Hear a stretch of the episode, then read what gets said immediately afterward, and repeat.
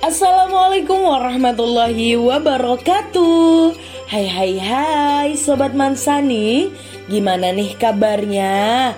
Sehat dong?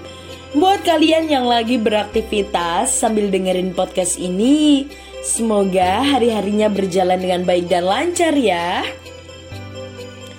Jumpa lagi sama aku Chandra dari kelas 11 Bahasa Tentunya di podcast kesayangan kita podcast personalistik Mandua Kota Kediri.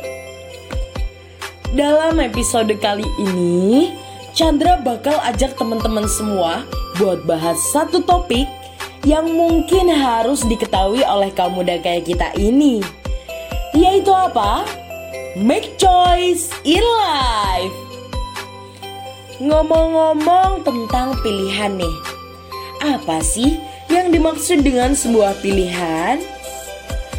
Yaps, bener banget. Pilihan adalah sebuah keadaan yang di mana muncul saat manusia dihadapkan pada sebuah peluang. Pilihan adalah alternatif yang harus dikorbankan saat manusia memilih opsi yang lain. Begitu juga dalam kehidupan. Nah, nanti bakal Chandra ulas tuntas semuanya apa aja sih tahapan-tahapan yang bisa kita lakuin untuk memilih sesuatu dalam hidup dengan tepat?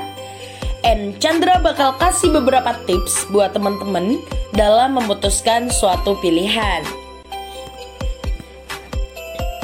Masuk pada topik utama. Perlu diingat ya teman-teman. Sebelum mengambil sebuah keputusan, ada beberapa proses yang dapat dilalui untuk menghindari kesalahan. Contoh penerapannya, kita kutik semisal sedang memutuskan keputusan secara tim nih, semisal rapat. Hal pertama yang harus kamu lakuin adalah pertama, menyelidiki situasi atau masalah secara detail. Lalu yang kedua, kalian harus mengumpulkan berbagai macam informasi terkait dengan situasi tersebut.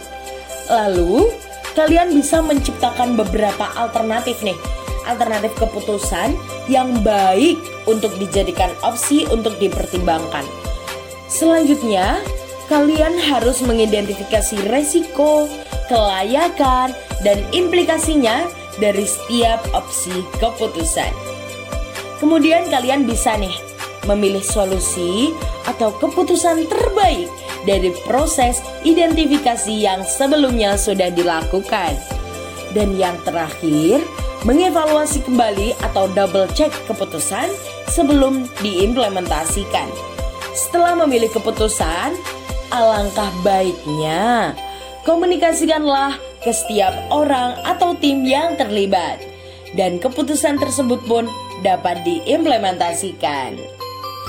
Meskipun kelihatannya runyam dan panjang, proses di atas dapat membantu kalian mengambil keputusan dalam situasi yang kompleks loh. Lalu kalau memutuskan pilihan untuk diri sendiri itu bagaimana? Nah, dalam memilih keputusan untuk kita sendiri, pertama yang kita harus lakuin adalah harus tahu, mengenali, dan mengetahui diri kita sendiri. Selanjutnya, kalian bisa buat beberapa opsi yang di mana opsi itu bisa menjadi pertimbangan kalian buat melangkah ke depan.